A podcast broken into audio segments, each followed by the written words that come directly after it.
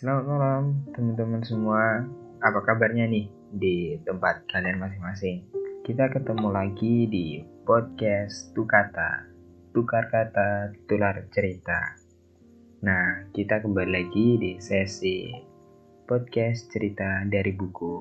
Sebelum kita lebih lanjut, uh, buat teman-teman, terima kasih udah jadi pendengar setia dari podcast ini dan aku mohon maaf udah beberapa waktu kita nggak upload review buku ataupun cerita tentang buku karena satu dan lain hal teman-teman.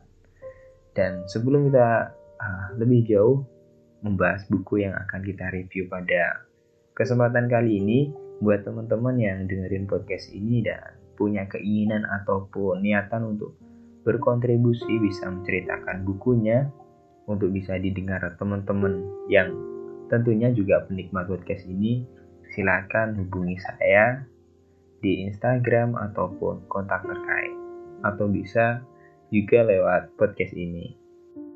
Baik teman-teman semua, sebelum kita lanjut di sesi pada malam hari ini, marilah kita berdoa untuk kebaikan dan keselamatan kita dan seluruh masyarakat Indonesia agar tetap kuat dan bisa menghadapi pandemi COVID-19 yang masih berlangsung dan semoga vaksin yang telah ditemukan bisa segera bisa diimplementasikan untuk kesehatan masyarakat Indonesia. Nah, teman-teman, tentunya nggak usah terlalu lama, kalian pasti penasaran nih, apa sih buku yang bakalan kita bahas di episode malam hari ini. Jadi ini teman-teman, kita bakalan review, kita bakalan bercerita tentang sebuah buku yang ditulis oleh penulisnya yaitu Arashi Mentari. Backgroundnya dia adalah mahasiswa lulusan S1 UIN Sunan Kalijaga, Yogyakarta ada beberapa buku yang sudah ditulis, salah satunya yang pertama ada Ambivert. Jadi buku teman duduk ini atau buku yang bakalan kita bahas nih teman-teman. Ups, keceplosan, sorry. Jadi buku yang bakalan kita bahas dari Arsimentari ini judulnya yaitu Teman Duduk. Nah, genre dari buku ini adalah fiksi atau prosa. Dan ini bisa dinikmati buat teman-teman 15 plus nih. Jadi untuk anak SMA ke atas lah Nah, buku ini sangat menarik karena temanya prosa ataupun fiksi ya teman-teman. Namun di dalamnya menyajikan kurang lebih tentang pandangan dari Aris Mentari mengenai kehidupannya.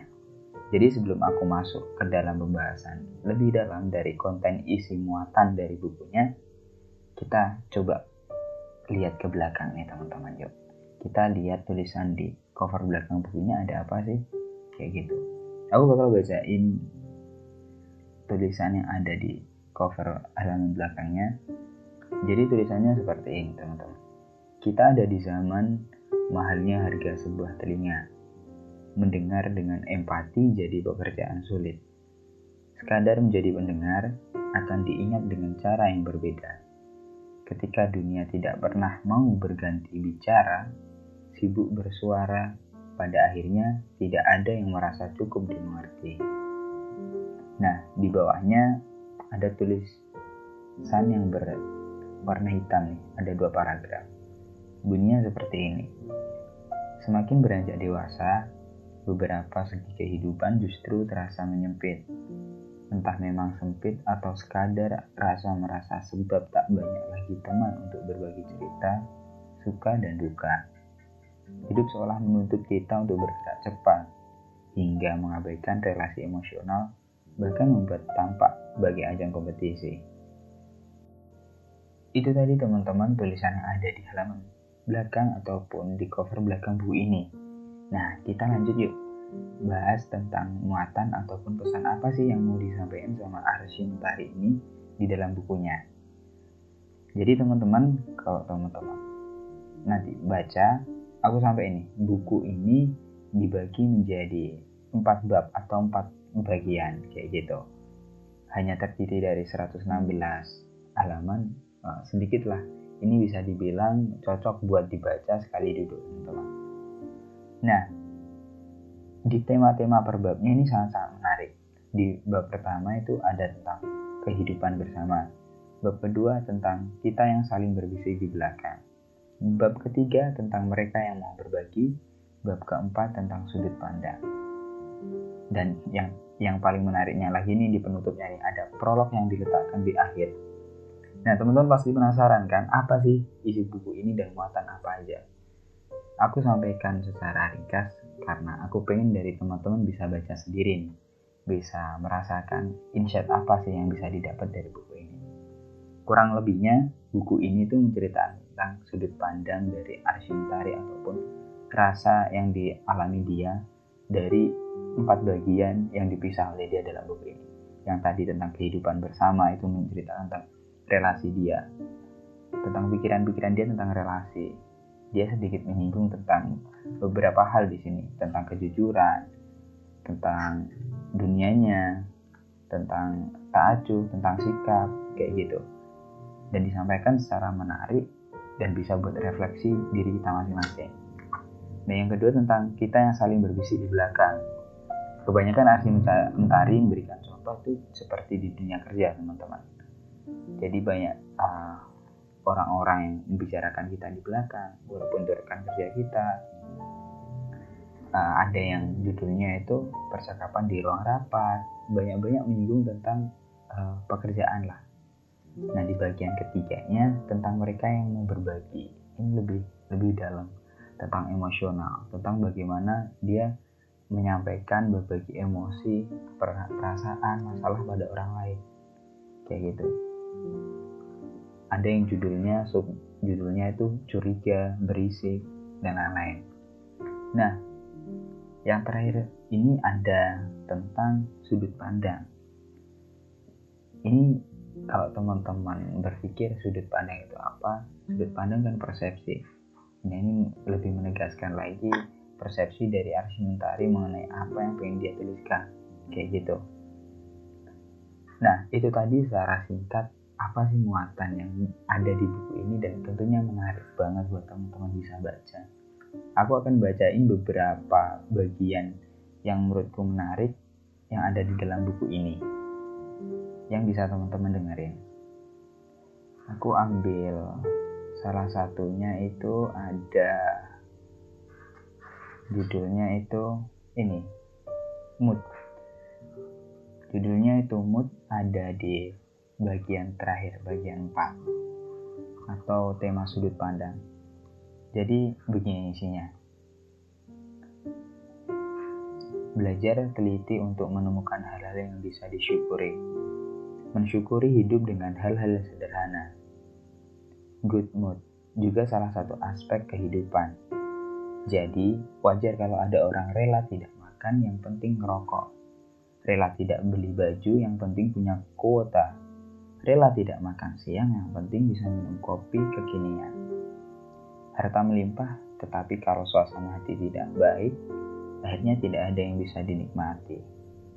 Aku selalu menyempatkan diri menonton YouTube sebelum tidur atau mendengarkan siaran motivasi sebelum berangkat kerja. Lebih baik telat dan kena potong gaji ketimbang melewatkan sarapan. Meski bangun lebih awal supaya sempat makan lalu datang tepat waktu masih bisa aku usahakan, besok aku memilih terlambat yang penting siap. Ritual makan dulu dan minum es kopi adalah hal yang lebih penting atau tidak boleh di skip atau duniaku akan berantakan. Hidup rasanya lebih mudah untuk dijalani setelah ritual itu terpenuhi. Nah, ini salah satu sudut pandang yang coba disampaikan oleh Arsi ke teman-teman. Mood itu seperti apa sih yang dialami dia atau dialami kita kebanyakan orang gitu. Nah ini bisa jadi bahan renungan juga buat kita. Oh jadi seperti ini ya gitu. Jadi kita bisa bersikap pada orang lain. Kenapa kamu kok nggak makan dan lain-lain itu kita bisa berpikir. Ya itu karena semuanya tidak harus sesuai apa yang kita inginkan teman-teman dan ada lagi nih judulnya itu uh, 20 plus kalau nggak salah judulnya 20 plus nah judulnya 20 plus ada di halaman 92 ini sangat menarik banget dan menurutku bisa menohok untuk teman-teman yang usianya di umuran segini dan perempuan terutama. Isinya seperti ini teman-teman. Apakah menurutmu kita sudah terlalu tua? Ketika kami memasuki fase keumuman untuk menikah, rasanya kata tua terdengar sensitif dan mengkhawatirkan. Padahal bukan itu inti masalahnya. Menikah bukan tentang caranya mencari, pandainya bersolek, atau cepat-cepatan. Dalam keputusan menikah, waktu tidak menjamin apa pun. Waktu mengenal, waktu tinggal dilaksanakan, Waktu mempersiapkan segala sesuatu tergantung pada diri masing-masing. Kita tidak akan membicarakan mereka yang terburu-buru lalu menyesal. Kita juga tidak akan membicarakan mereka yang entar-entaran lalu kesulitan. Semua bukan mewenang kita. Rasanya kita harus sama-sama berempati. Jika kita sudah cukup yakin dengan pilihan dan jalan hidup kita, apa pun yang dikatakan, diragukan, atau dipertanyakan orang di luar sana tidak cukup kuat merobohkan rasa percaya diri kita. Tama bermaksud menyambungkan diri ketika kita sudah memiliki pencapaian ini dan itu, tetapi setiap orang punya alasan mengapa dia diciptakan di dunia ini. Tidak akan sama setiap orang. Mari duduk bersama, kita bicara tentang bagaimana kehidupan pernikahan bukanlah soal perlombaan lebih cepat lebih baik. Mari kita duduk bercerita apa masalah yang selama ini membuat kita sulit percaya untuk membuat komitmen. Mari kita dengan dengarkan cerita mereka yang hidup dalam paksaan dan penyesalan.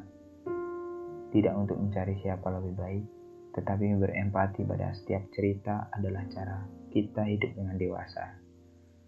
Nah itu teman-teman, dua subjudul yang aku sampaikan aku bacain buat kalian. Dan bisa buat bahan renungan juga sih menurutku buat teman-teman.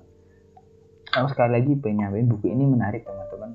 Kalau semisal dari teman-teman ini prosa ataupun fiksi dari teman-teman belum bisa paham ketika membacanya sekali bisa dibaca diulangi ataupun buku ini juga bisa diambil langsung dari beberapa subjudul yang menurut kalian menarik kalau tidak ingin menyelesaikan semuanya. Kayak gitu. Nah sebelum aku tutup ini teman-teman aku kira sudah cukup menyampaikan buku ini dan benar-benar asik bukunya. Nah, kadang kalau semisal kita tidak fokus ataupun kita tidak bisa memahaminya ketika sekali membaca kita perlu mengulang-ulang sih kayak gitu buat teman-teman. Terakhir sebelum aku akhiri bahasan mengenai buku yang berjudul teman duduk ini aku bacain prolog yang diletakkan di akhir. Bunyinya seperti ini. Mereka yang menyemangatiku kini pun hilang. Mereka patah oleh ambisi mereka sendiri. Aku yang tampak biasa saja akhirnya tersisa dengan setitik daya dan bla bla bla bla. Kalian bisa cari. Tentunya kalian penasaran.